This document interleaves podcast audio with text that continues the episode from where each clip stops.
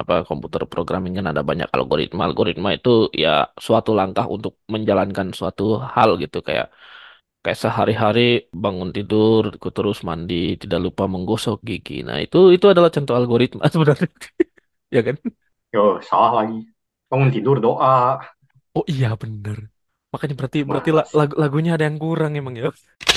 eh, Anda berada di kampus yang pintu masuknya cuma satu. Nah, terus eh, ingin pergi ke kantin.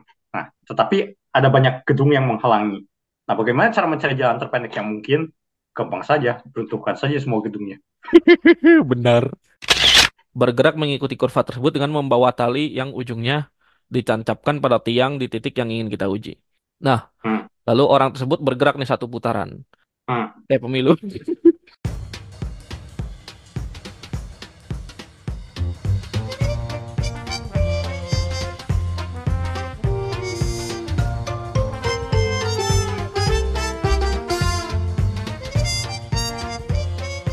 Selamat datang di podcast Bebas Linear. Di podcast ini kami membahas matematika dengan bebas namun masih berada di jalan lurus. Yeay. Masih bersama saya Rizky dan partner saya Lawrence. Ya, seperti biasa kita akan membahas apa yang terjadi di kehidupan kita selama dua minggu terakhir sebelum ke bahasan utama yang ada di judul dan di deskripsi ya. Kalau misalnya mau langsung ke bahasan utamanya bisa di dicek timestamp di deskripsi, bisa di skip ke timestamp tersebut ya.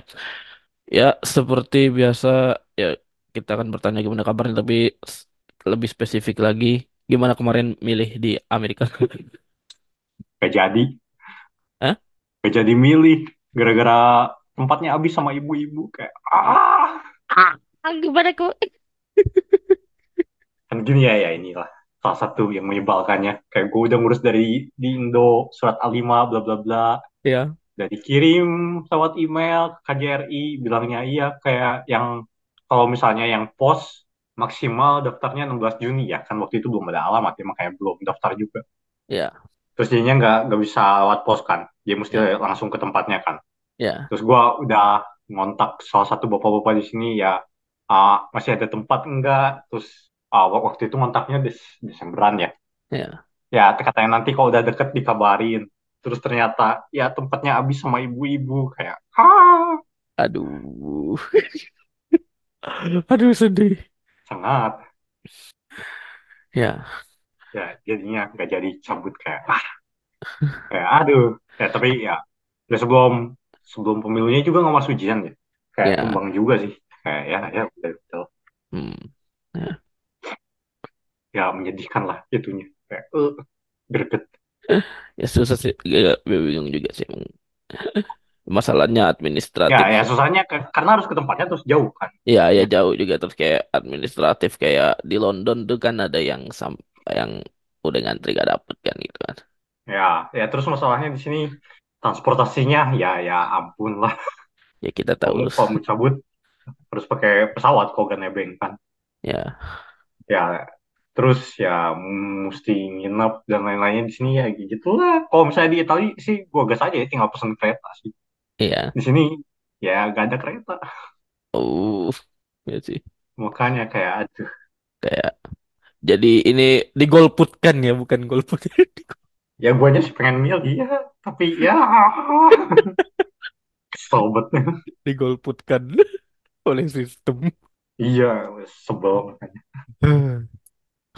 ya padahal kayak naik mobil ya 5 sampai 6 jam ya kalau di map Ya. makanya kalau ada kalau ada kereta kan ya segituan sih masih affordable ya Hmm. 5 6 jam naik kereta oke lah Ya. cuma kan di sini ah transportasi transportasi Ya.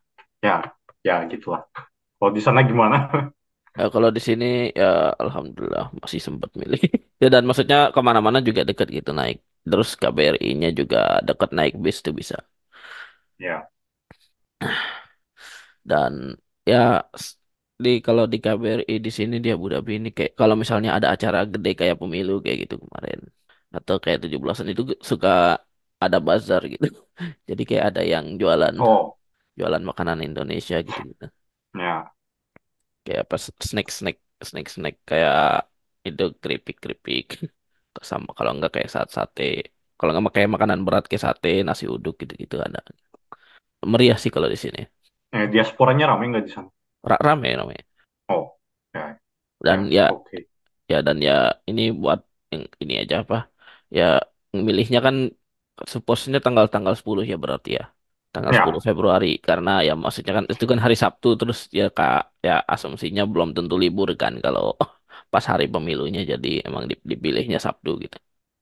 iya, Dan ini serba-serba aja nih mil- milihnya yang dipilih kalau di luar negeri itu eh, apa presiden, presiden sama wapres ya.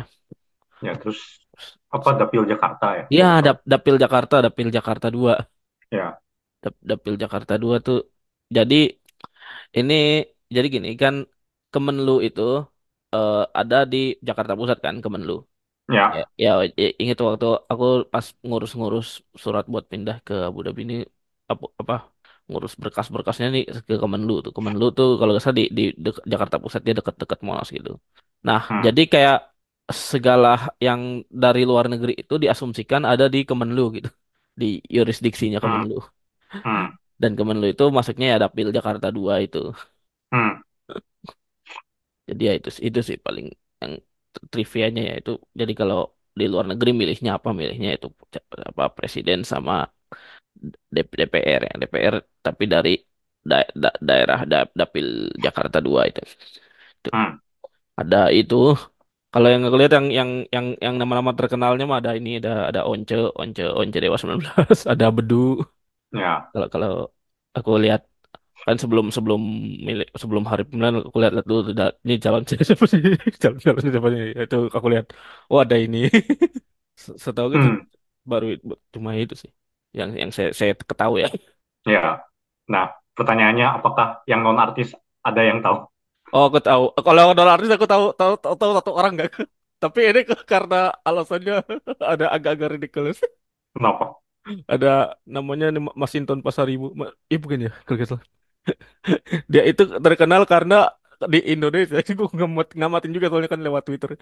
Itu pelangnya di mana-mana. Oh, oke. karena itu Oh, terkenalnya karena itu. terkenalnya karena itu. Sedih. ya kayak itu yang meme apa Everywhere I Go I See. Spiderman Spiderman. Ya, itu. Ya, ya. ya itu. Ya, tapi cuma cuma itu sih paling. Hmm, hmm. Hmm, oke. Ada lagi kah? Oh, ada lah. apa nih? Tapi ya bukan dari itu. dari pemilu bukan dari pemilih ya. Ya, ya ternyata kan gue sekarang ngajarnya kalkulus 3 ya. ya Nah, eh gue gak tahu udah pernah cerita atau belum di sini. Pas kalkulus satu tuh gradingnya tuh uh, langsung habis ujiannya gitu. Jadi ujiannya jam 5 sampai jam 7, terus grading sampai jam 9, terus ya pasti belum beres, dia lanjut besoknya. pernah pernah pernah Ya, kalau kalkulus 3 gradingnya besoknya. Hmm. Jadi full seharian itu grading, nggak nggak nggak ada resitasi. Oh iya iya. Nah, ya, gue kira lebih nyan, lebih apa, lebih tidak capek, ternyata capek juga, tumbang juga. Iya sih Gila, makanya mengejutkan. Kayak, padahal pas grading kalkulus, walaupun gitu-gitu, gak tumbang-tumbang. Lah, pas yang Iya. grading kalkulus 3 tumbang. Iya. berapaan itu ininya siswanya Apanya? siswanya Mahasiswanya. ya Berapa ya? 200 berapa ya? oh 200 Iya, kayak yang diajar sama dosen yang di atas gua aja, udah 130 kali 5 aja lah, kasar. 150. oh ya Yang satu lagi kasarnya 130 kali 4 ya 270 berarti. itu kamu meriksa 270 270 nya itu Enggak, kan bagi-bagi. ya Ya, bagi-bagi tapi tapi tetap aja banyak sih. tetap aja 40-an paling paling itu Enggak, kayak periksanya tuh per per orang meriksa satu soal, oh iya paham paham. Tapi ya sedapatnya lah. Kayak misalnya ada yang nganggur section berapa ya itu yang diambil itu yang yang diambil. Ya paham paham, paham. oh jadi kayak kamu Ya, jadi kayak tahu tahu tahu. Ya. kurang lebih meriksa 5 section lah ya. ya, ya. Ya tapi, tapi ya oh, capek juga. Ya, itu kayak kayak dulu apa waktu itu aku meriksa ini apa Olimpiade ini Olimpiade Abu Dhabi. Cuman kan karena Olimpiade naturnya adalah banyak yang kosongannya jadi jadi lebih santai. Ya Ya iya dong. enak lah. Kalau ujian kan oh, ini pasti akan berusaha gitu. Sebagaimanapun Oh, bukan cuma caranya. berusaha berusahanya tuh terlalu magic gitu. Nah, itu dia Kadang muncul-muncul jawaban super aneh. Tiba-tiba itu kan ya. Iya. Tiba-tiba muncul aja jawaban kreatif kayak, aduh bener nggak ya? Kan jangan jangan sampai jawaban kreatif disalahin ya siapa tahu bener. Siapa tahu benar ya, Terus benar-benar benar. masalahnya kalau bener ya itu udah udah bener tapi terlalu kreatif kan nyapain juga. Iya, iya, iya, paham, paham. Ya, terus ya apa waktu itu udah capek terus kayak kuliah lagi gak enak banget lah. Ya, Nah, terus akhirnya uh, hari Sabtu kita merenung apa yang gak enak dari kuliahnya. Ternyata dari dulu sampai sekarang jawabannya selalu sama. Kayak gue gak tahu, kalau lu pernah ketemu mata kuliah yang merasa gak enak nggak? beberapa kali pernah, pernah. Ya. Di sini pernah, di ITB pernah nggak ya? Nah, itu gara-gara apa? Oh, kalau kalau di sini kayaknya kalau jujur aja mungkin ini basic knowledge-nya agak belum terlalu dapat aku. Itu itu matkul yang stochastic calculus itu. Maksudnya basicnya belum terlalu kuat kalau aku ngaku aja itu. Nah, kalau di ITB, ITB apa ya? Mata kuliah yang agak-agak itu apa? Mungkin pas aku S2 itu mungkin adalah semacam teori teori teori grup.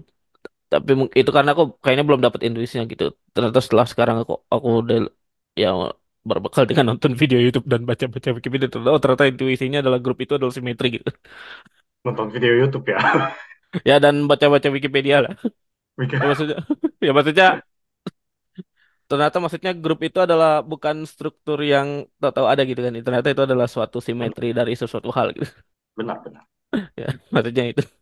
Kalau di ini mungkin analisis real come close mungkin An- at- atau analisis kompleks lagi. Mhm. Itu Analisis kenapa? kompleks mungkin. Oh, analisis kompleks kayaknya ada satu hal yang agak loncat menurutku. Sama mungkin bukunya agak agak ini ya Kak.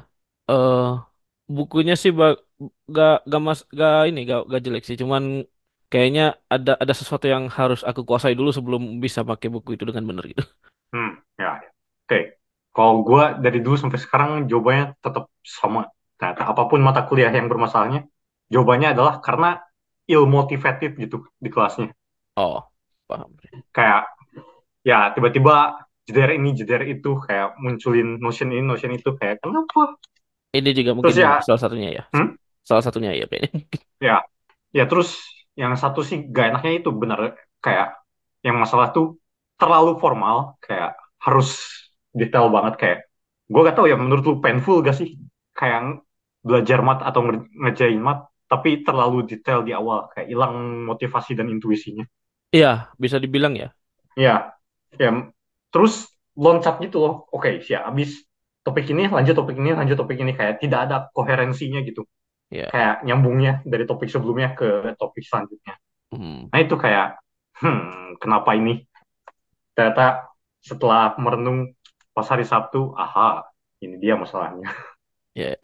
terus ya akhirnya gue belajar ulang sendiri tapi kayak ngebangun jembatannya aja gitu kayak detailnya nggak nggak terlalu diinin ya terus satu lagi yang gue sadar kalau gue di kelas tidak bisa merekonstruksi proofnya sendiri juga nggak suka kelasnya Ya, paham, paham. paham.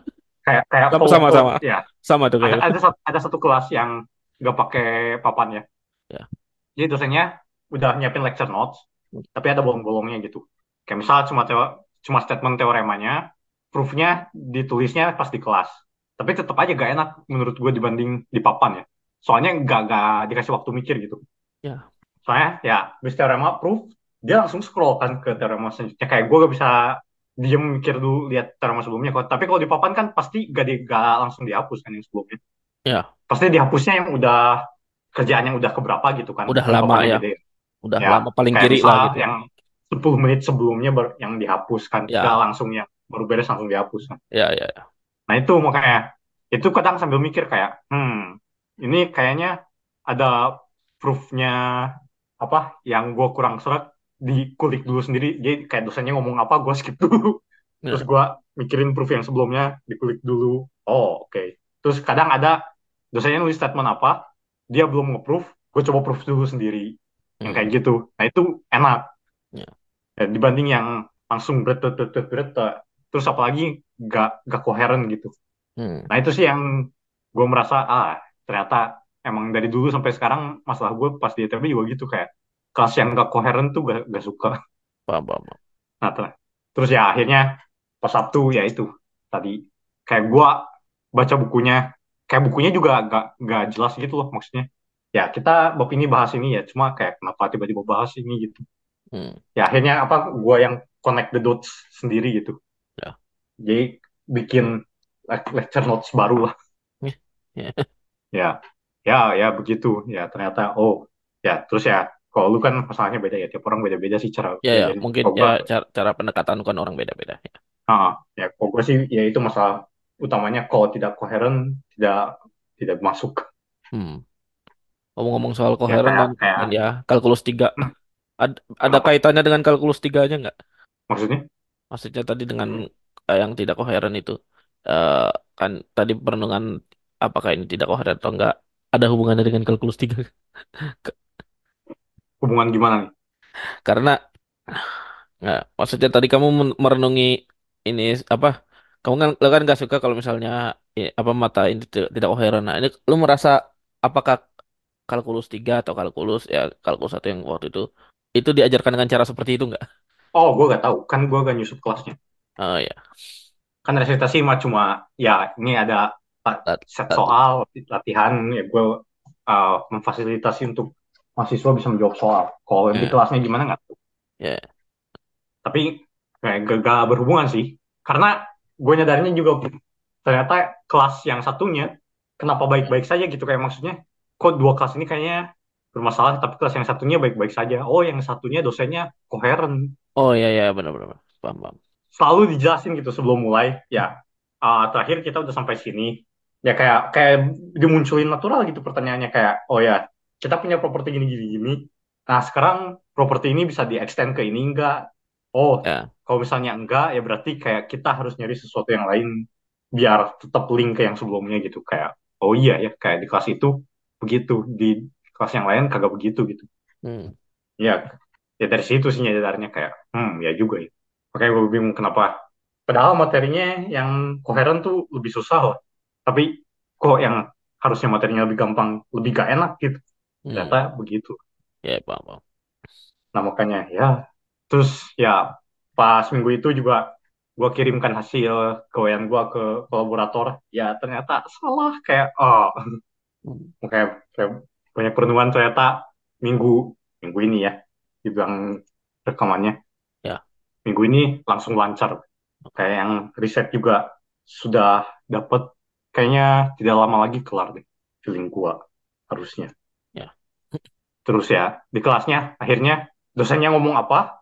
Kita abaikan dulu mikir dulu koherennya gimana sama sebelumnya. Nah baru kita perhatiin dosennya. Ya, ya soalnya kayak kayak gini lah misal kita diajarkan apa yang kembang ya ini grup. Grup adalah aksiomanya begini begini begini. Ya properti grup. Terus tiba-tiba gua loncat oh ya kita belajar ring ya. Ring adalah blablabla. kayak ya terus hubungannya apa gitu? Hmm, nah itu yang gitu-gitu tuh gak suka ya, ya paham paham. paham. ya terus ya emang ya ini belajar apa connect the dots-nya sendiri lah jangan mengandalkan dosennya tapi ya paling di akhir aja evaluasi ke dosennya Ya, ya begitu sih dari kuliah dan riset kalau dari ngajar oh ya ya anak kalkulus tiga macam canggih nilainya bagus-bagus nah nice. cuma yang gue kaget adalah nulisnya lebih jelek daripada anak kalkulus satu. Terus Dalam ya hal apanya nih? ya kita tahu lah ya eh, ini Tulisannya, engineer gitu kan. Tulisannya. bukan cara penulisan solusi. Oh caranya ya. Oke oke. ya ya kita tahu lah ini engineer gitu. Ah, tidak di expect apa nulis bagus. Kayak kalau kita kan pas di kalkulus satu sampai matko kan ada bab ini satu Ya, ya cara ya, menulis ya. solusi bla bla bla bla. Itu ya di sini nggak terlalu ya. ditekankan sih. Itu tuh jadi kayak template. Kayaknya perhatikan bahwa ini. ya benar benar. Nah gua ngajarin gitu ke anak kalkulus satu sebelum ujian. Ya. ya eh, ya gue bilang gue contohin apa ambil satu soal terus gue tulis di papan solusi lengkapnya gimana. Terus ya gue bilang ya ekspektasinya sih kita anda nulisnya begini gitu. Terus ya sebagian ngikutin sebagian tetap aja kayak cuma hasil hitungan ya cara ngerjain hasil hitungan selesai gitu gak ada kalimat sama sekali. Nah, ya cuma di sini gak gak diapa-apain gitu dimaklumi lah Hmm. Nah yang kalkulus 3 begitu. Kayak gue kaget kan. Loh, Anda kan kalkulus 3 ya? Harusnya sudah melewati kalkulus 1. Kok cara penulisannya lebih jelek dari anak kalkulus 1 gitu. Hmm. Terus ya ternyata di kelas mereka gak pernah ini sih. Gak pernah lihat cara penulisan yang bagus dan benar bagaimana. Terus Benar-benar.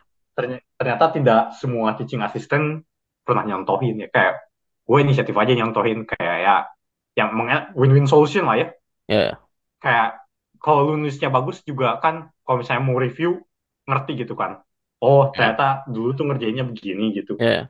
Dibanding tiba-tiba kerjaan-kerjaan berat aja kayak kalau misalnya udah sebulan dua bulan pengen review, ini dulu kok bisa sih ngerjain gini gitu kan gak jelas juga kan. Ya.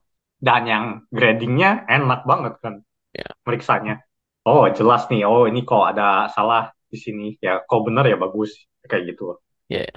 Nah terus yang kalkulus tiga, loh kok tidak ada satupun yang nulis kalimat gitu langsung Langsung. apa kerjaan jawaban kerjaan jawaban kayak. Oh. Pertanyaannya, nah, nah, dar dulu nih. Kan ini kal kalkulus 3 ya.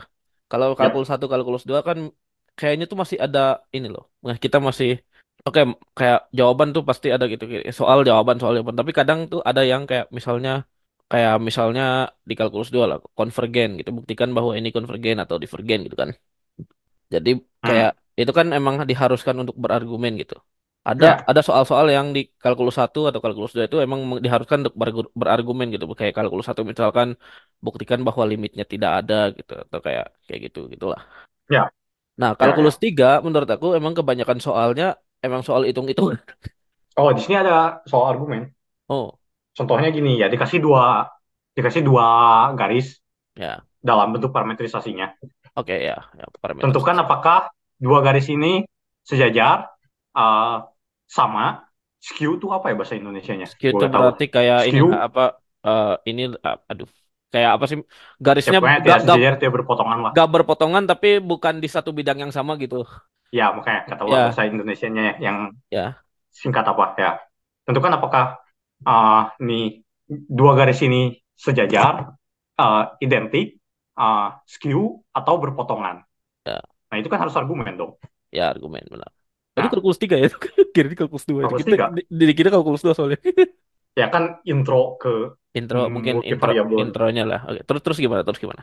Ya, terus ya ini eh kayak ada yang cuma nulis eh, apa vektor arahnya yang satu ini, yang satu ini, Ya, terus not multiple, not multiple eh, of not them. parallel. Dah aja kayak gitu. Oh, padahal kan bisa aja kalau not multiple of them kan bisa aja berpotongan ya. Iya. Kayak kayak gitu. Ya belum belum beres. Kayak Ya, maksudnya argumen tidak sejajar dulu lah. ya. Kalau Kayak not multiple kan berarti cuma berarti ya nulisnya ya. jelek gitu kan. Cuma ini Ya, vektor arahnya ini, vektor arahnya ini not multiple, so not parallel. Udah aja gitu. iya. Kayak jelek banget.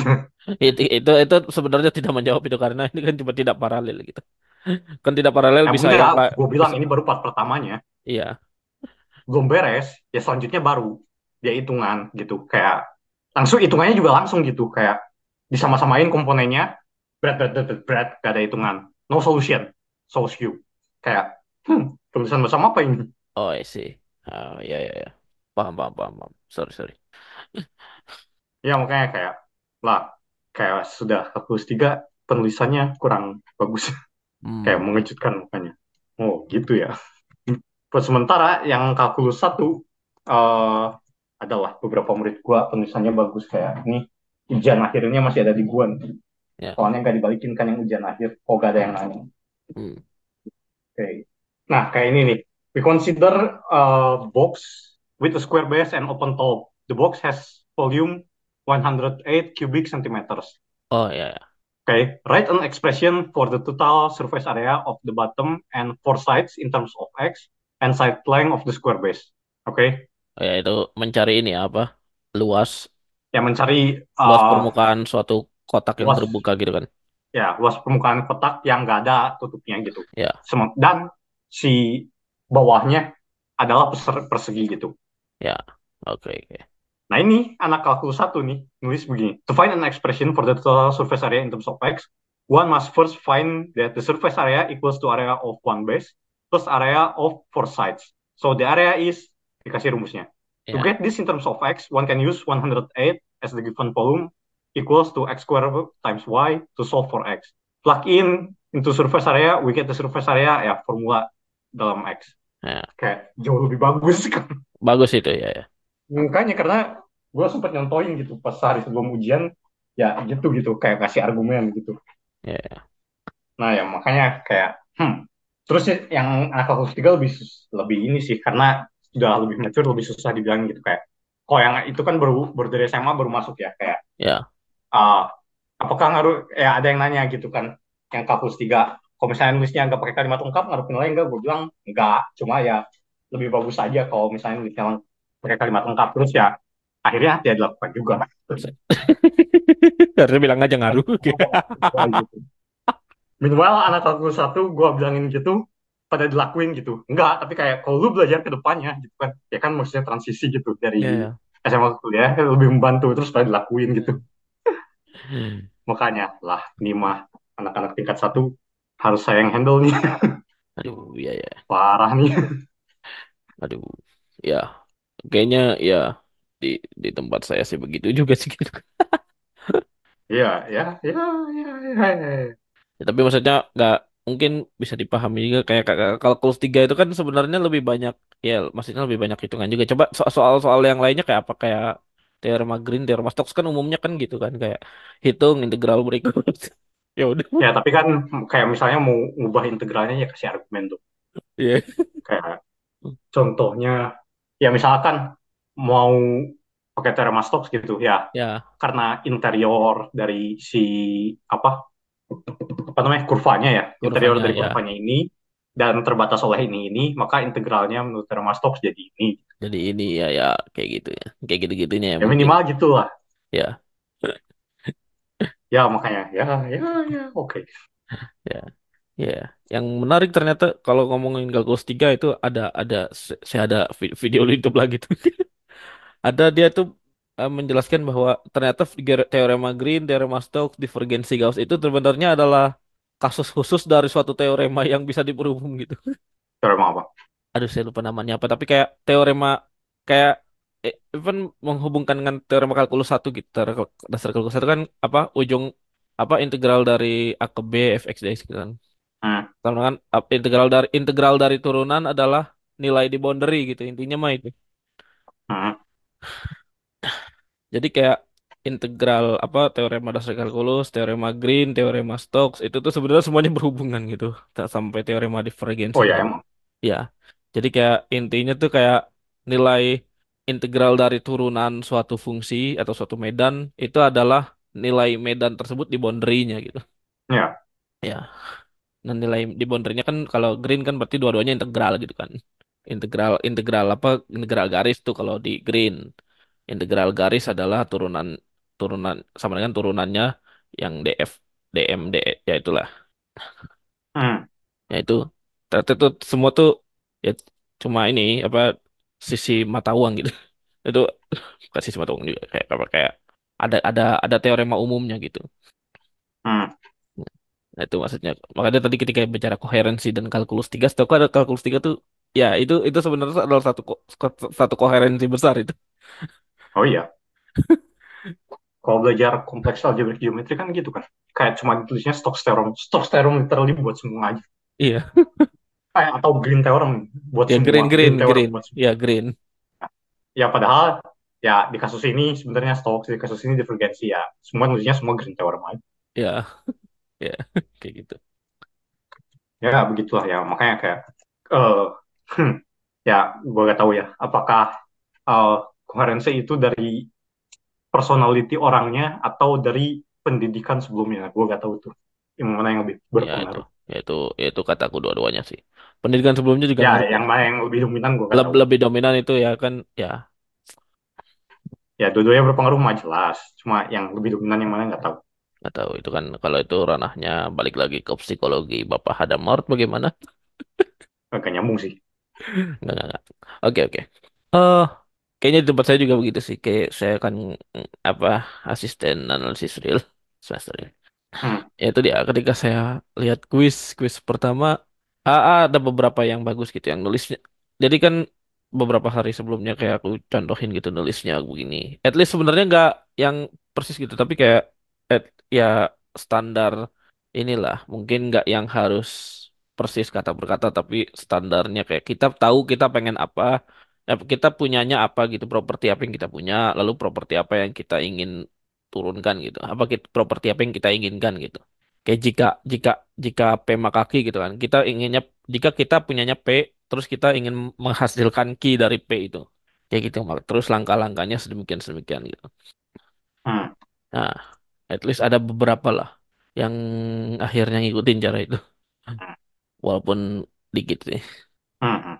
Nah, ya. ya terus kalau masalah di kelas yang terlalu detail painful ya menurut gua apa kayak di riset ini aja kan udah berapa kali hitungan gak jalan revisi lagi revisi lagi draftnya gitu kan Ya, ya kayak kayak kalau di kelas terlalu formal kayak semuanya harus tek tek tek tek gitu kan kayak kesannya kalau orang yang belum pernah riset sebelumnya kayak oh nanti riset berarti harus langsung jadi gitu harus langsung formal harus langsung apa bagus ter ya terlalu rapi lah ya, ya ya. padahal kan nggak gitu ya ya, balik lagi apa pernah kan kok gak salah gue omongin sini yang Hugo Domino Kopang kan pernah bilang pas Ya, ya. di YouTube uh, pas nerima Fields Medal kan ya harus ngajarin uh, yang matematikawan muda gak apa-apa untuk berbuat salah ya menurut gue sih bener sih Ya. Karena kalau enggak mentalnya nggak siap gue sih kalau buat riset? Hmm. gue gak tahu ya. Kayak lu gimana? Kayak maksudnya kan S1 S2 IPK 4 terus kayak pas di S3 Tidak gitu kan. Ada ada ya kayak ada perubahan.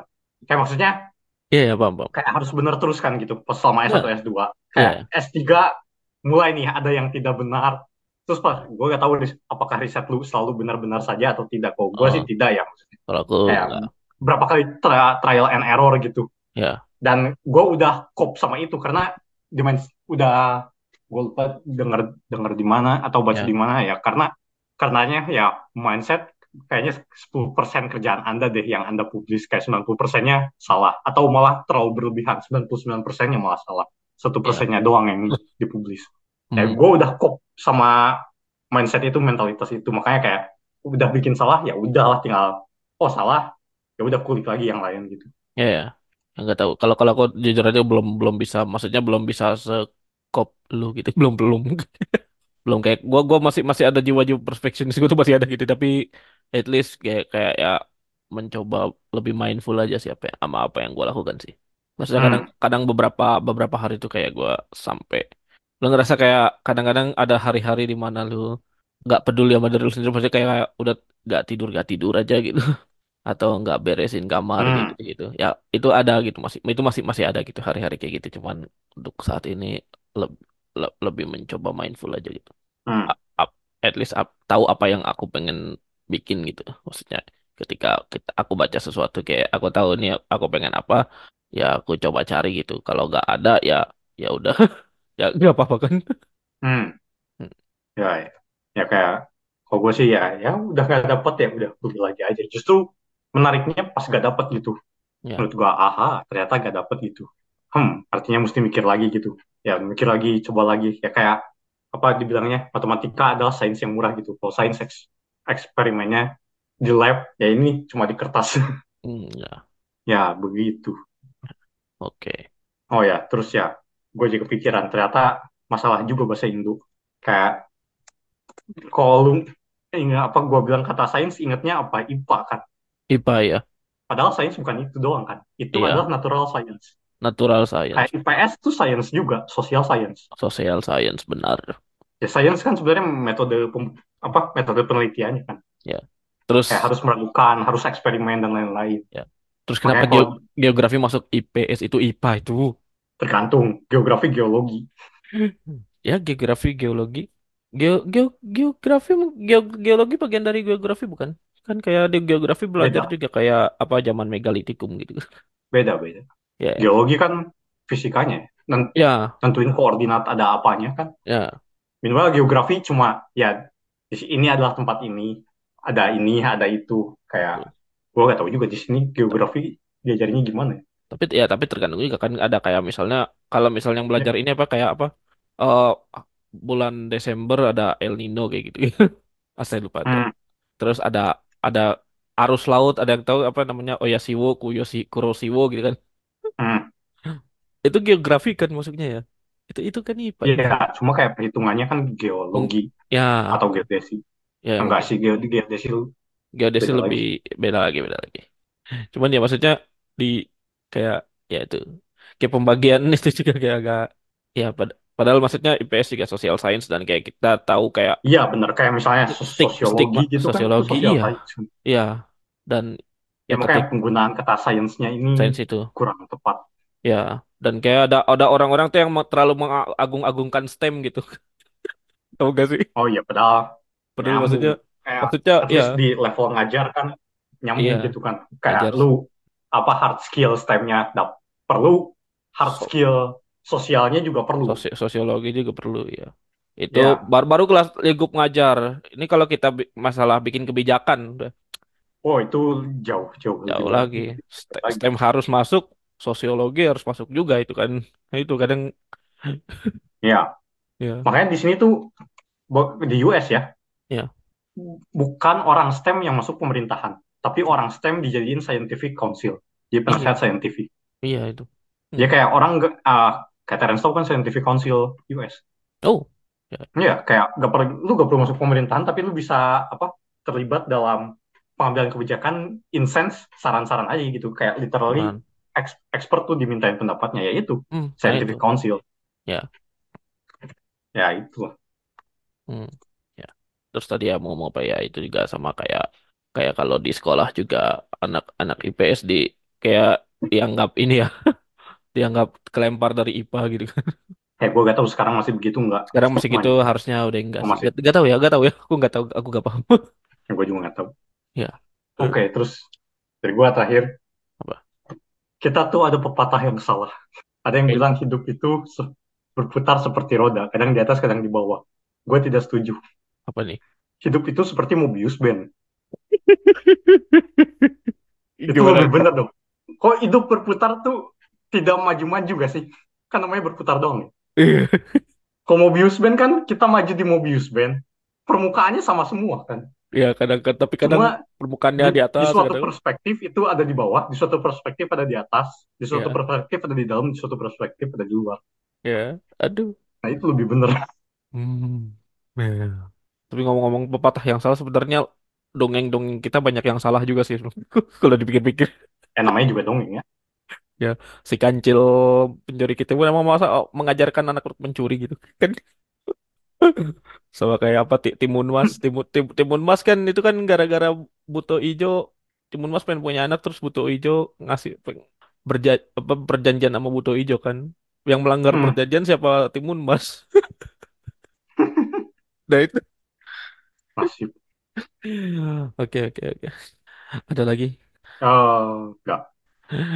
Nggak, oke kalau gak ada ini kita Ya, recap bola nah lagi itu. ya Ya, pesan moralnya adalah kalau mau ngasih pepatah belajar matem dulu. ouch Hidup seperti roda hidup itu seperti Mobius band. tidak berorientasi Mobius band aduh Ti- tidak kalian hidup seperti Klein Battle gitu guys kadang di dalam Wah kadang di susah. luar Enggak, kalau seperti kalian betul ya di empat dimensi lah. di empat dimensi. Itu mungkin pepatahnya orang empat dimensi tuh kayak gitu. Di Klein Battle. Oke oke oke. Seperti biasa review bola dulu. Ya, ya. Asia Cup yang menang Qatar, tapi kayak apaan ini? Hat-trick penalti? Kayak what? tapi gak nyangka ternyata yang masuk final tuh Jordan ya. Gue kira Korea Selatan aja aduh Oh enggak, gue kira Iran. Kok Korea Selatan? karena Korea Selatan lawan Jordan kan Qatar lawan Iran kan Oh, iya. Oh, ya enggak kan aneh sih. Gua. Kan seperti yang gue bilang, Korea Selatan tuh taktiknya jelek ya, emang terbukti. Iya ya. Cuman kayak aku lihat dari materinya aja cuman kayak kalau Korsel taktiknya emang sekarang lagi jelek gitu. Di ketika saya baca analisis Kor- Korsel taktiknya emang lagi jelek Hmm. dan ya ya udahlah ya. Ya iya, emang benar, langsung terbukti. Enggak kaget Iran nih, kayak hmm, kalah kalah sama kata gara ya mengejutkan. Ya. Terus yang ya yang sebelumnya sih di finalnya menangnya tuh hat trick penalti lah itu sebel banget sih. Kayak trik berat swap. Ya juga sih. Kayak eh Terus Pi- Piala Afrika yang menang siap ini ya, Pantai Gading. Cote d'Ivoire ya. Hmm? Ya Cote Cote d'Ivoire, Partai Gading. Hmm. Tapi kalau kalau Pantai Gading mereka tuh pengen disebutnya Cote d'Ivoire gitu. Padahal kalau kalau kalau kalau orang Inggris nyebutnya Ivory Coast, kalau Ivory Coast. kita nyebutnya Pantai Gading. Kalau na- nama Hmm. resminya mereka pengen disebutnya Cote d'Ivoire. Hmm. Terus yang inilah Champion Champions League Champions League. Oh bentar. Kayak ini juga apa menariknya yang disorot banget eh Frank Casey ya. Frank Casey. Ya kayak maksudnya udah dapet eh di mana-mana gitu. Kayak pas sama Oh, Barca kan dapat gelar, oh ini gelarnya Milan ya. dapat gelar. Ya, Ya kayak ke sana sini dapat gelar, terus sama Pantai Gading dapat juga. ya, Ya, terus kalau Champions League ya eh City tiga satu Copenhagen ya tidak aneh lah ya. udah aneh itu. Madrid satu 0 Leipzig tidak aneh juga. Udah aneh. Yang menarik ya Lazio satu 0 Bayern. Wah, Ya. saya Wah, senang. akhirnya ada Menyenangkan rame dibahas ya itu. Iya. Kayak boros banget Munchen kayak shot 17 on targetnya 0. Gitu, itu kalau ketika kalau gue lihat itu itu apakah an- antara unlucky atau emang gak klinis aja. Shot Iya kayak 17. uh. Ya terus apa sebelumnya kalah sama Leverkusen kan Iya 3-0 kalah sama Leverkusen. Leverkusen lagi gila ya. Tidak pernah kalah ini rek- udah rekor belum sih? Iya, iya, iya. Kayak maksudnya udah berapa bulan nih? Udah enam bulan udah pernah Liga kalah sekali kalah-kalah pun sama ya sama Leverkusen. tim mana pun gitu baik di Ya, Liga maupun di Europa League. aduh. Yang yang Gila. kasihan itu Harry Kane sebenarnya. Oh, tidak. Berterima kasih pada Harry Kane sudah tidak ada dominasi Munchen. Sama kayak pas Ronaldo ke Juve. Anda Anda bisa mengeluarkan Harry Kane dari Tottenham Hotspur tapi tidak bisa mengeluarkan Tottenham Hotspur dari Harry Kane. Tinggal kuat-kuatan mana ini sama Kingsley Coman ya. Kingsley Coman kan selalu dapat gelar di tiap musim. Oh, terpatahkan lah musim ini jelas lah. Harry Kane. Aduh. Ayo, Aduh, saya, saya Bayern pengen jangan ada gelar. bayar, bayar saya pengen ke keluar keluar biar dapat gelar eh gak dapat gelar. Itu kayak Ya lah, kayak aduh, tim macam apa ini membosankan. Kayak Bundesliga, Munchen lagi, Munchen lagi. Ya, ayolah Leverkusen, gas. ya Leverkusen. Ya, Ya, tapi mengejutkan ya Xabi Alonso maksudnya. Sebagai Ya, Xabi, pemain Xabi Alonso ya bagus lumayan itu. lah ya Bagus itu. pada zamannya. Dan ya salah satu Ya, gelan- gelandang ya maksudnya terkenal bagus gelandang tapi bukan yang terkenal banget. Iya tapi kayak gelandang yang kayak sering dipandang underrated gitu yang kayak ini yang kalau orang tahu kan gelandang Spanyol kan apa Xavi Iniesta gitu kan yang emang playmaker Ya, ma- playmaker ya padahal masalahnya di sisi itu ke, ke pantai ya itu sih. ya butuh dua butuh iya padahal yang but, butuh ini juga apa Xavi Iniesta ya, Xabi Alonso itu buat ininya covernya Cadangannya. gitu bukan di Ya. apa ya Oh, kan Xavi Iniesta kan di depan kan Xavi Iniesta di depan kan CM Ya, CM CM kan Busquets. Busquets ya Xabi Alonso cadangan berarti Ya iya. Tapi maksudnya cadangannya ada Xabi Alonso itu berarti berarti emang mewahkan Spanyol saat itu kan. Iya, semuanya saat itu kan kan yang menang Piala Dunia Barca. Iya, Barca itu. Ya sama kayak yang ini kan kemarin Piala Dunia cewek yang menang kan Barca. Iya. Hmm, Iya, tapi ya mengejutkan lah. Maksudnya kan kita tahu ya ada beberapa pemain kok jadi pelat pemain pas jadi pemain bagus jadi pelatih kurang lah ya. Kayak ya, Lampard masih belum, Gerrard belum. Kayak pasti banyak ada lah beberapa lagi kan ya, yang pas jadi pemainnya terkenal bagus, pas jadi pelatihnya kurang ya. kurang Xabi Alonso nih pas jadi pelatih ternyata mantap. mantap. Dan ini Ya kayaknya kayak ya bakal ke hmm, antara Real Madrid atau Liverpool gitu. Liverpool kan Klopp kan udah ini ya mau mundur kan. ya fix mundur. Kayaknya tuh Ya, jangan ke Madrid lah. langsung dibajak Liverpool ini. Eh, kok ke Liverpool sih masih mending lah. Masih mungkin. Ya. Jangan ke Madrid aja apalagi MU. Gak mungkin juga sih kayak gitu kayak Yang masalahnya kalau Alonso ke MU kurang lawaknya. kurang lawak ya. Ya, ya satu tidak mungkin. Yang kedua, ya masa tidak ada hiburan lawak-lawaknya. Tidak ada hiburan. Hiburannya cukup ini saja. Kalau kalau kalau ininya gak ke Liverpool ya ke- ntar ke Munchen juga Oh jangan tuh. kan kan Tuchel lagi gak jelas nih nasibnya kayak apa Ya, ya janganlah. Itu Liverpool masih boleh. itu tuh jadi Eh, kok jadi Liverpool rame sih. Kayak ya Guardiola lawan Xabi Alonso tuh rame. oh itu itu itu iya. Guardiola lawan tapi Alonso Terus lawan Arteta ya. Liverpool kan materi pemainnya udah dibentuk lah ya sama klub. Kayak wah Ya. menarik. Hmm. Ya, tapi Ya, anak anak buahnya Guardiola kalau jadi itu lumayan ke- kecuali Xavi kayaknya Xavi agak aneh juga. ah iya mah. Gara-gara udah gak ada lagi pemainnya ya pemainnya ceracet. Kalau itu eh, mungkin mungkin bisa diselain Xavi bisa diselain emang manajemennya juga agak aneh emang. Ya abis Bartomeu tuh udah susah Udah susah lagi buat balik. ti- tidak ada harapan. Iya. Terus kayak di Facebook ada yang ini apa? Ya Val, kita harus menghargai Valverde. Jangan Valverde menang apa menang banyak kalah cuma segini. Itu masih ada Messi, woi masih di carry. Iya sih. Valverde-nya mah tidur, Messi yang carry. Iya. Hmm. Ya, ya gitulah. Terus ya PSG 2-0 Sociedad kayak kenapa PSG menang? Ya, Menyedihkan. Ya Champions League begitulah. begitu aja sih. Ya, ya yang menarik ya semoga Bayern tersingkir lah. Lazio. Ya semoga Lazio yang maju. Cuman nggak tahu ya mungkin ini karena karena leg leg tiganya eh leg tiga leg duanya kan Maret ya kayak masih lama itu jadi kayaknya mungkin masih masih ada harapan Ya Bayernnya dibantai dulu di Bundesliga biar down. biar down atau justru karena habis dibantai di Bundesliga down jadi kayak oh ini harapan kita tinggal di Liga Champion enggak lah, kayak tidak Chelsea mungkin. gitu. kayak Chelsea tahun 2012 Hmm, maksudnya kayak ya eh, oke. hasil yang lumayan good to be true tapi oke lah Hmm, Lazio itu hmm, kayak ada lagi. ada lagi sepertinya tidak ya apakah masih ada lagi dari kamu Nggak ada. Oke, berarti langsung ke bahasan utama.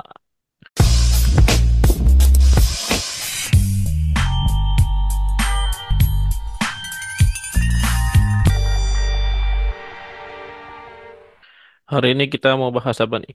Ya, jadi kita bahas ada yang namanya buku menjelaskan algoritma melalui metafora. Ya, jadi ini buku komputer programming sebenarnya. Tapi algoritma-algoritmanya lumayan, lumayan inilah, yang lumayan umum. Nah, ini Hmm, materi ini diambil dari buku Explaining Algorithm Using Metaphors. Ya, ini ditulis oleh Michal Forisek dan Monica Steinova. Dan buku ini berisi perumpamaan-perumpamaan yang dapat digunakan untuk menjelaskan suatu konsep atau algoritma. Jadi kayak kalau di apa komputer programming kan ada banyak algoritma. Algoritma itu ya suatu langkah untuk menjalankan suatu hal gitu kayak kayak sehari-hari pergi apa mandi lalu bangun tidur terus mandi tidak lupa menggosok gigi. Nah, itu itu adalah contoh algoritma sebenarnya.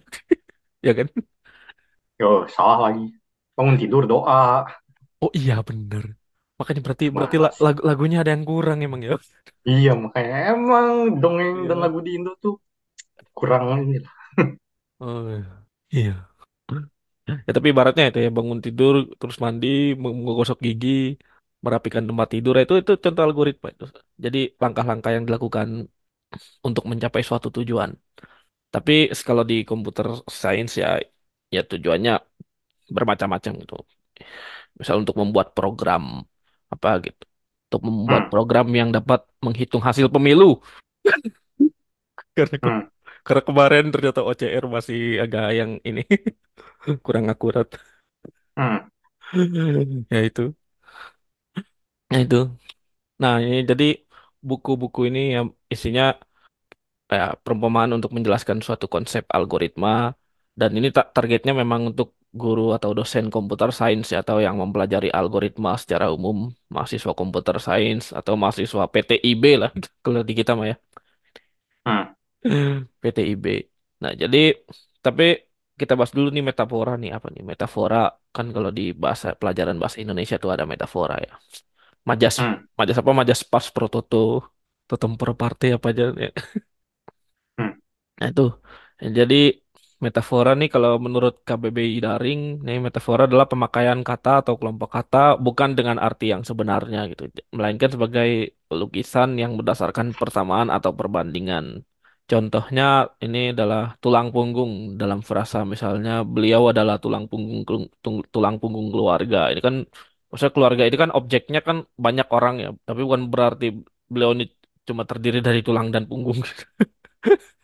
Jadi tulang punggungnya ini maksudnya menopang beban hidup gitu, menopang beban hidup keluarga, menopang keluarga gitu. Ibarat pengibaratan. Nah, hmm, Menurut Lakoff dan Johnson, ini metafora adalah proses konseptual di mana subjek mencari pemahaman terhadap suatu ide melalui ide yang sudah dia ketahui sebelumnya.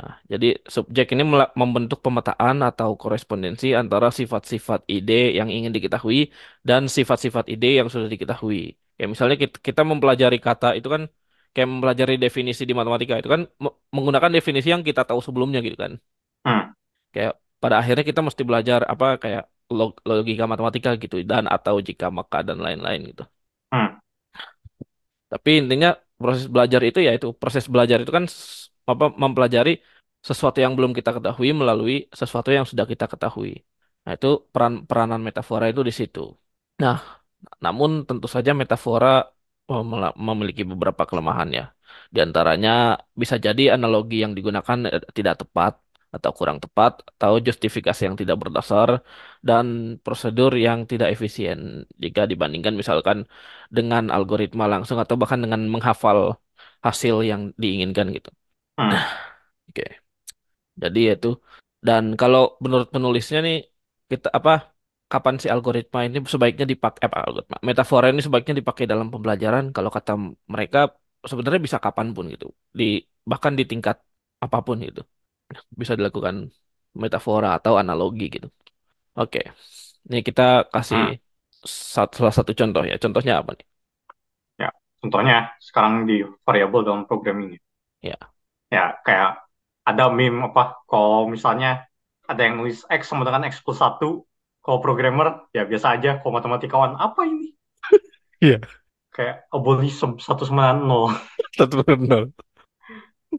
Nah, Padahal kalau ya programming jadi, ya, ya. kalau di programming itu kan ya, berarti berarti X yang baru adalah X yang lama sebelumnya kan ditambah satu gitu. ya kayak di didefinisikan ulang ya. Kayak mak- makanya kalau di matematika ada sama dengan, ada titik dua sama dengan Ya gitu titik dua sama dengan itu buat definisi benar. Titik dua sama dengan tuh ya mendefinisikan. Kalau sama dengan artinya kayak statement itu benar gitu. Hmm. Ya, cuma ya kayaknya yang programmer males pakai titik dua udah sama dengan aja gitu.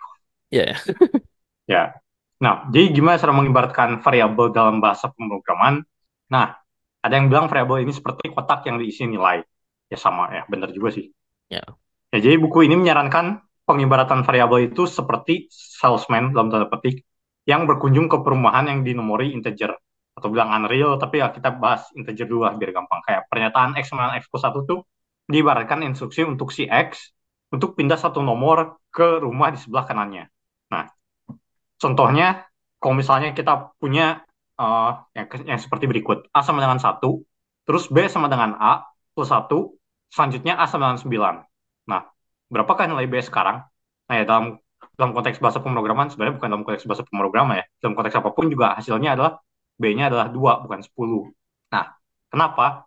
Ya karena urutan tuh penting gitu. Ya. Karena tadi kan A sama dengan 1, terus si B-nya dimasukin A plus 1, artinya si B-nya jadi 2. Selanjutnya kita ubah si A-nya, A-nya sama 9. Tapi kan kita gak ngubah B-nya sama sekali. Ya. Nah ya makanya kayak bahayanya di programming adalah kalau ada urutan instruksi yang kebalik gitu kan, algoritma Ya, ya. yang kebalik. Ya. Hasilnya bisa beda. Ya, kayak contohnya ini, kalau misalnya tadi jadi mulainya A sama dengan 1, terus bawahnya A sama dengan 9, terus B-nya sama dengan plus 1, nah itu baru B-nya 10. Ya.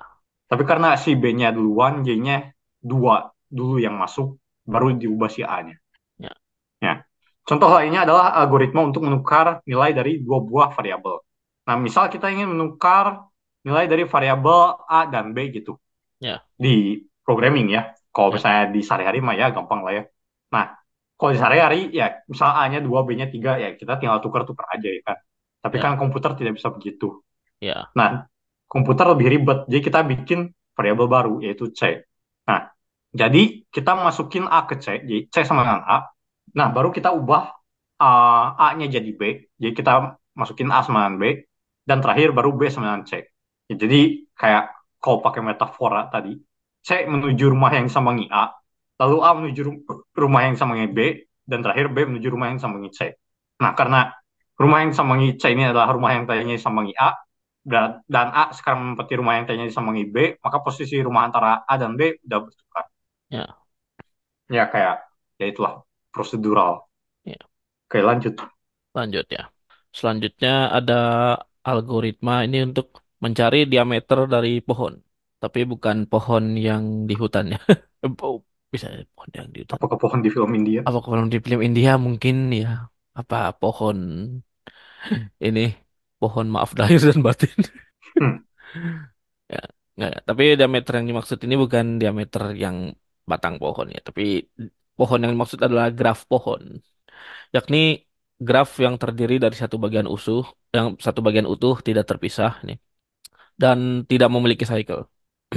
Nah, diameter ini adalah diameter yang dimaksud dari diameter pohon ini adalah lintasan terpanjang yang mungkin ditempuh dari satu titik di graf ke titik lainnya. Jadi kayak dari dari titik ini yang yang paling panjang yang mana? Nah, jadi semua lintasan yang mungkin dikumpulin gitu dan dipilih yang paling panjangnya yang mana. gitu. hmm, Nah, lalu bagaimana cara mencari diameter suatu, suatu graf?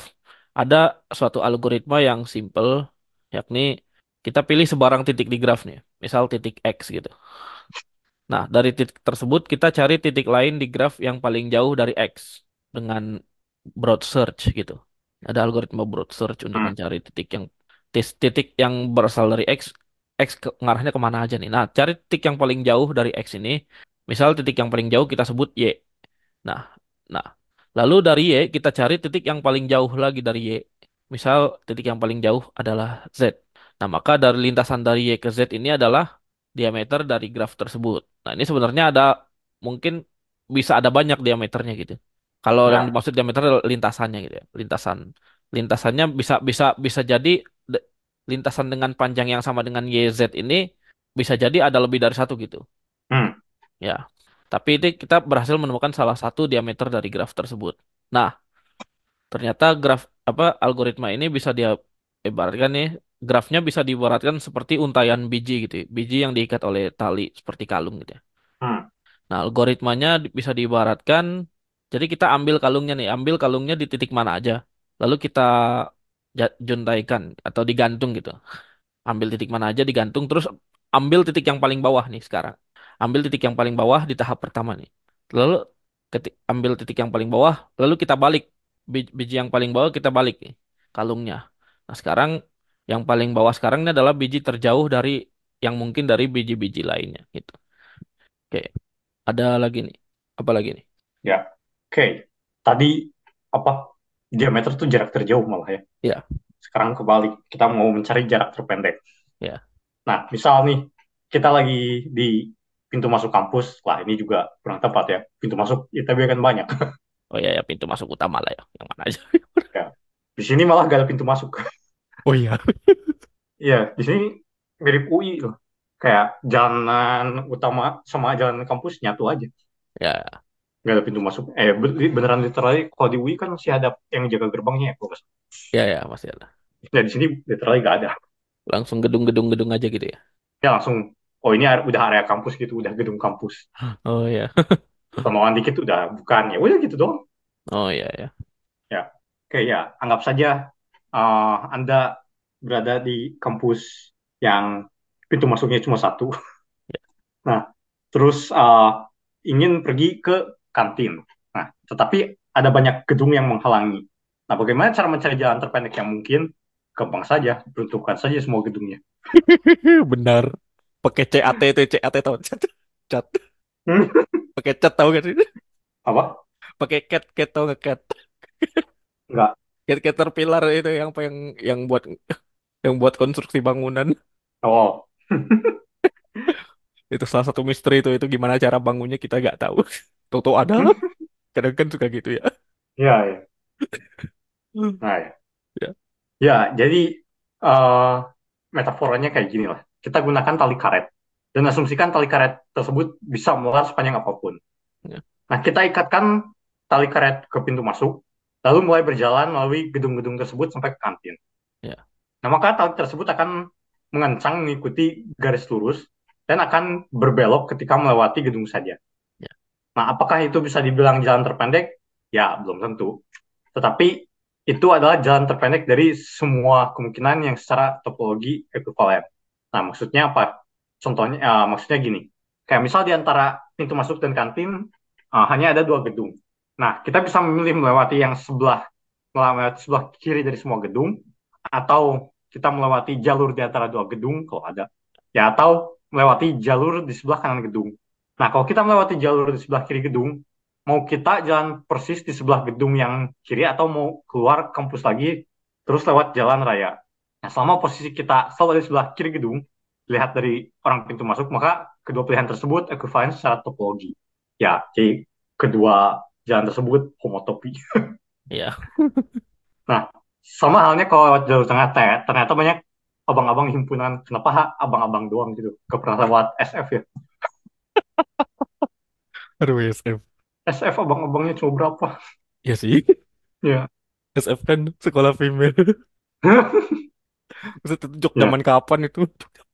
Ya, tapi kenyataan kan. keras. Ya, ya, ya sih. Memang berdasarkan proporsi ya ini mah ya. Proporsi Ya, kayak mahasiswanya 100 saja. sekian mahasiswa formasi cowoknya, ya belasan Ya, kan. belasan ada. Ya. Hmm. Nah, jadi kayak kalau mau lewat yang tengah, mau permisi dulu, atau sonong aja. Sonong aja ngapain? Sudah alumni.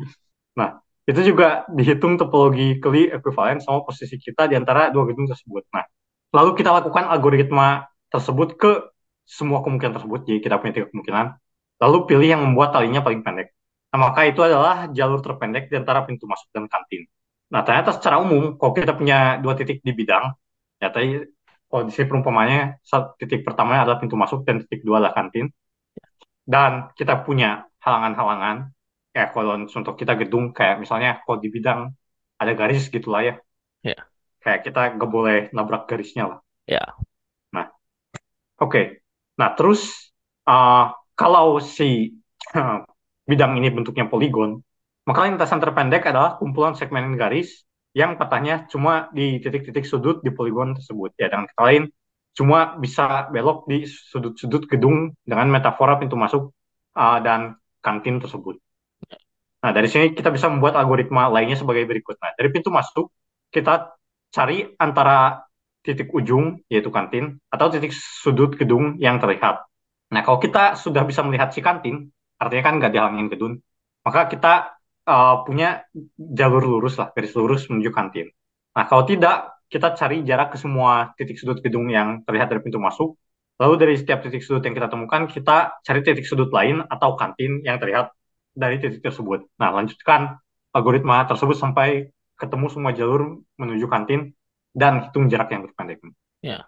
Oke, ada tambahan? Yang enggak sih. Tapi ibarat ya itu kan sifat-sifat dari ini ya, sifat dari rubber ya karena dia melarnya mengikuti garis lurus gitu. Umumnya kalau kayak jarak terpendek atau apa misalnya kalau di tiga dimensi itu kan ada ya. Apa? Misalnya cari eh, jarak antara bidang ini dengan garis ini gitu, ya kan? Hmm. Eh bukan jarak apa? Misalnya jarak antara garis garis benar. garis garis ini dengan garis ini gitu. Yang kayak tadi Hmm. skew itu kan skew. Garis yang Hmm. tidak berpotongan. Nah, itu ibarat bisa diibaratkan pakai karet gelang juga gitu. Wah, Jadi itu berat sih. iya juga sih. Kenapa kenapa? Kayak mau berapa titik yang dicoba? Iya, tapi maksudnya Kan tidak berbentuk poligon. iya benar benar benar. Cuman kayak ibaratnya dia akan selalu memotong di suatu ini apa? titik yang terdekat gitu. Dan dia selalu tegak lurus gitu titik apa? Dia akan ada garis ketiga yang tegak lurus gitu dengan kedua garis tersebut gitu. Dan dia memilih yang yang memilih yang terdekatnya gitu. Jadi kayak ada bisa dibayangkan kayak ada dua kereta gitu, dua kereta, dua kereta tapi diikat gitu. Biasanya ya maksudnya metafora ini apa? Karet gelang ini bisa digunakan untuk ya tipe-tipe optimisasi jarak terpendek ini. Hmm. Ya. Oke, lanjut. Lanjut ya. Lanjut. Ini juga melibatkan tali, tapi bukan mencari jarak terpendek. Tapi ini melibatkan suatu titik dan kurva. Kurva tertutup ya. Jadi apakah suatu titik ada di dalam atau di luar kurva tertutup? Jadi kurva tertutupnya ya, ya berbentuk sirkuit lah kalau di balapan kan. Kalau di F1 itu ada sirkuit lah gitu. Jadi apakah suatu titik ada di dalam atau di luar suatu kurva tertutup? Ya, ini disebut juga winding number ya. Kalau di analisis kompleks tuh. Hmm. Nah, jadi kita punya suatu satu suatu titik satu titik dan kurva tertutup. Maka sebenarnya ada tiga kemungkinan. Titik ini ada persis di kurva atau eh, di batas boundary kurva itu, di dalam kurva atau di luar kurva. Nah, untuk mengecek titik ini ada persis di kur di dalam kurva cukup mudah. Misalnya kita ya kita jalankan apa persamaan parametrisasi kurva terus cek titiknya ada nggak di within di, di kurva gitu.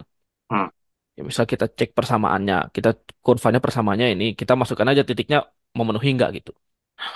Nah, jadi ini tes ini tes yang yang titiknya ada di kurva ini harusnya udah sudah dijalankan dan asumsikan titiknya tidak ada di boundary. Sekarang pertanyaannya, tinggal dua kemungkinan, apakah di dalam kurva tertutup ini atau di luar. Jadi dia ter- tertutup oleh apa terbatasi oleh kurva tersebut atau tidak gitu. Apakah dia hmm, terpenjara gitu atau tidak gitu. Nah, salah satu algoritma yang lumayan simpel adalah misalnya kita pilih sembarang sinar atau sinar itu berarti segmen garis yang bermula dari titik tersebut gitu. Atau kayak kita arahkan sinar laser lah gitu ya. hmm, Dari titik tersebut kita arahkan sinar laser ke segala arah. Sebenarnya nggak ke segala arah, ke sembarang arah gitu. Ke sembarang arah. Lalu hitung berapa kali sinar tersebut melewati kurva yang ingin diteliti gitu. Hitung berapa kali kali si sinarnya melewati kurvanya gitu.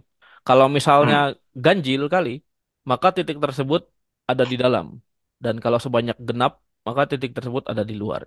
Nol, nol hmm, maksudnya genap lah ya. Jadi, jadi kalau nol kan berarti gak, gak melewati kurva. Kalau gak, kalau ternyata se- sepanjang itu tidak melewati kurva, berarti kan tidak di, luar. Nah, ke- kelemahan dari algoritma ini adalah gimana kalau misalnya kurvanya punya interception atau perpotongan, perpotongan di dalam gitu. Atau lalu intersection ini cuma dihitung sekali. Misal kurvanya figure eight, Figure eight itu berarti sirkuitnya angka 8 gitu ya. Ya, hmm, kayak apa kayak kacamata atau enggak kacamata permen. Tahu nggak yang permen permen kacamata tahu nggak? ya, Yang kacamata permennya itu figure eight itu. Nah, ya, lalu titiknya nih kita pilih titiknya yang ada di pusat salah satu lingkaran figure eight itu. Pusat salah satu lingkaran lalu sinarnya diarahkan ke arah perpotongan.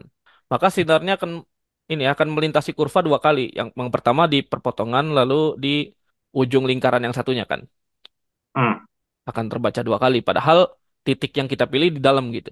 hmm, Atau contoh lainnya misalnya titiknya ada di luar, tapi terus kurvanya berbentuk lingkaran, tapi titiknya ada di luarnya tapi persis di garis singgung. Terus kebetulan kita ngarahinnya ke arah lingkaran, ke pinggir lingkaran gitu. hmm, Jadi terbaca sekali gitu. Terbaca sekali melintasi lingkaran itu, apa kurva-kurva yang kita maksud. Ke- Apa ter- terbaca sekali mengenai lingkaran. Padahal titik kita ada di luar loh. hmm, Jadi itu kelemahan salah satu algoritma tadi yang apa ah, pilih sembarang sinar. Walaupun mungkin bisa diatasi dengan pilih sinarnya banyak.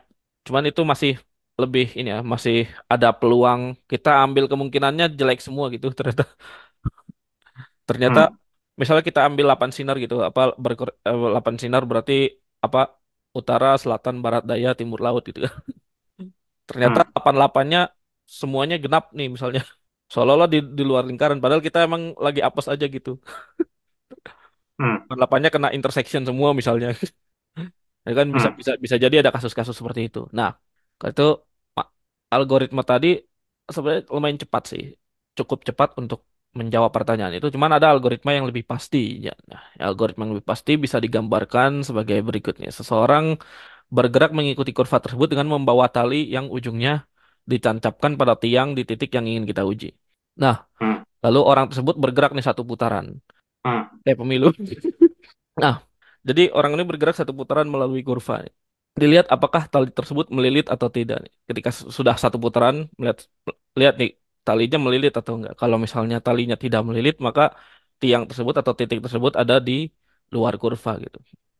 hmm, Kalau titiknya melilit, berarti apa? Tit, apa kalau tiangnya talinya melilit, melilit tiang tersebut, maka talinya ada di da- apa titik titiknya ada, ada di dalam kurva. hmm, Nah, dalam implementasinya nih kalau misalnya kita pakai al- algoritma pemrograman, nah ini algoritma ini dimodifikasi menjadi jadi ada seorang laki-laki di titik tertarik kepada seorang perempuan yang bergerak meng- melalui kurva gitu. Jadi dia akan ngikutin perempuan itu ke mana perempuan itu pergi ya. hmm, Tubuhnya akan selalu menghadap si perempuan tersebut. Nah, lalu sel- setelah perempuan ini bergerak satu putaran, kita hitung berapa kali si laki-laki berputar gitu. Perputarannya kita track gitu. Setiap setiap saat kita track itu kita track perputarannya. Walaupun sebenarnya bisa jadi kayak laki-laki itu udah berputar 360 derajat, tapi abis itu muter balik lagi 360 derajat ke arah sebaliknya. Itu gak, gak dihitung gak dihitung berputar gitu. Itu dihitungnya tetap 0 derajat gitu. Hmm. Nah, jadi kesimpulannya kalau misalnya laki-lakinya ini setelah dipota, di total nih perputarannya, kita track teruskan tadi perputarannya. Di total perputarannya menghasilkan 360 derajat searah jarum jam, maka laki-laki ada di dalam kurva perempuan bergerak tersebut searah dan perempuan tersebut bergerak searah jarum jam gitu. Nah, kalau misalnya laki-laki setelah di total ternyata berputar 360 derajat tapi berputarnya berlawanan arah jarum jam, maka laki-laki ada di dalam kurva tapi perempuannya bergerak berlawanan arah jarum jam gitu. Hmm. Nah, kalau pada akhirnya laki-lakinya tidak berputar gitu, setelah di total gitu perputarannya, maka titiknya berarti ada di luar kurva. gitu. Hmm. Nah, bahkan yang bagusnya ini analogi yang terakhir ini bisa membedakan kurva bergerak searah atau berlawanan arah jarum jam gitu. Yang Hmm. berguna misalnya untuk kalau kita mau menghitung integral kontur. Hmm. Nah, jadi ya itu. Itu makanya tadi ada yang algoritma melilit itu itu kenapa disebut si bilangan ini namanya winding number. Hmm. Winding number dari suatu titik. Kayak kalau misalnya apa di di analisis kompleks kan integral misalnya bisa aja kan integral yang sama tapi dua kali gitu kan. Hmm. Pak kurvanya sama dua kali berarti kayak kayak misalnya lingkaran nih di lingkaran perempuannya bergerak melingkaran lingkaran dua kali gitu. Nanti laki-lakinya akan ngikutin perempuan itu bergerak melingkaran lingkaran nanti akan membentuk 720 derajat. Nah, itu berarti dua dua kali kan gitu kan. Hmm. Itu yang dimaksud dengan winding number. Oke. Ada tambahan? Hmm. Enggak. Ada oke, apa lagi nih? Ya oke. Jadi yang selanjutnya adalah mencari string dengan analoginya adalah kurcaci. Ya. Nah, string itu maksudnya apa? Eh, sekumpulan, kalau misalnya di huruf ya sekumpulan huruf lah dalam Ya. suatu teks misalkan. Ya. Atau kalau misalnya angka kayak yang yang terkenal di pemrograman ya pasti 01 kan. Ya. Kayak mencari pola misalnya 01, 001, 001 dikasih list sekian angka isinya 01 doang. Ya. Nah, itu namanya mencari string. Nah, oke. Jadi contohnya ya kita pakai yang huruf aja. Misal kita mau mencari uh, teks string tersebut. Nah, dari uh, suatu teks yang diberikan. Nah, contohnya mau mencari laba-laba dalam bala-bala 5000. Nah, algoritma naif tersebut adalah sebagai berikut. Kita cocokkan setiap huruf di teks tadi baba 5000 ke huruf pertama di kata yang dicari laba-laba. Nah, kita cari dari B tidak sama, lalu ke A tidak sama, lalu ke L sama nih. Terus kita cek ada enggak. Nah, ternyata di bala-bala ada labala, tapi selanjutnya uh, tidak sama karena yang selanjutnya bukan B tapi K. Nah, Ya. dan algoritma naif ini melanjutkan ke ke pencarian huruf keempat yakni A, huruf A yang keduanya dan seterusnya. Nah, kalau misalnya banyak huruf pada kata yang dicari adalah sebanyak K dan banyak huruf pada teks tempat mencari tersebut adalah N, nah maka algoritma ini paling buruk akan melakukan sebanyak NK buah operasi pengecekan. Jadi K sama N ini bilangan asli maksudnya. Ya. Tidak bukan huruf lagi. Ya, jadi atau uh, si algoritmanya time complexity-nya big O dari N kali K. Ya. Nah, ada algoritma yang lebih efisien dinamakan algoritma Knuth, Morris, dan Pratt, P-R-A-T-T. Nah, kalau tadi dari bala-bala, terus setelah labala ternyata bukan huruf L, kalau algoritma yang naif kan balik ke huruf A keempat. Huruf A Nah, kedua maka- ya, huruf A kedua ya. Ya. Kan tadi ba- bala-bala. Ya, jadi algoritma KMP ini loncat ke substring yang terdekat kemungkinan yang cirinya, yakni L kedua atau huruf ketujuh. Nah, algoritma ini bisa diibaratkan sebagai berikutnya. Misal ada kurcaci sebanyak huruf di teks tempat mencari ada n kurcaci. Ya. Lalu kurcaci ini mengantri di depan jajaran lubang sebanyak di teks yang akan dicari, yaitu sebanyak buah. Nah, lubang-lubang ini bertuliskan masing-masing huruf pada teks yang dicari. Ya, dalam konteks ini yaitu LA, BA, LA, BA. Ya. Nah, lalu dibacakan huruf dari teks tempat mencari, yaitu yang tadi uh, baba 5000 cuma uh, di spell ya. Jadi B A L A B A L A dan seterusnya Ya, satu persatu. Kalau huruf tersebut ada dalam teks yang dicari, maka di atas lubang yang ada hurufnya akan terbangun jembatan. Jadi, misal ketika L disebut, maka ada jembatan di lubang pertama dan uh, lubang kelima. ya, Ya.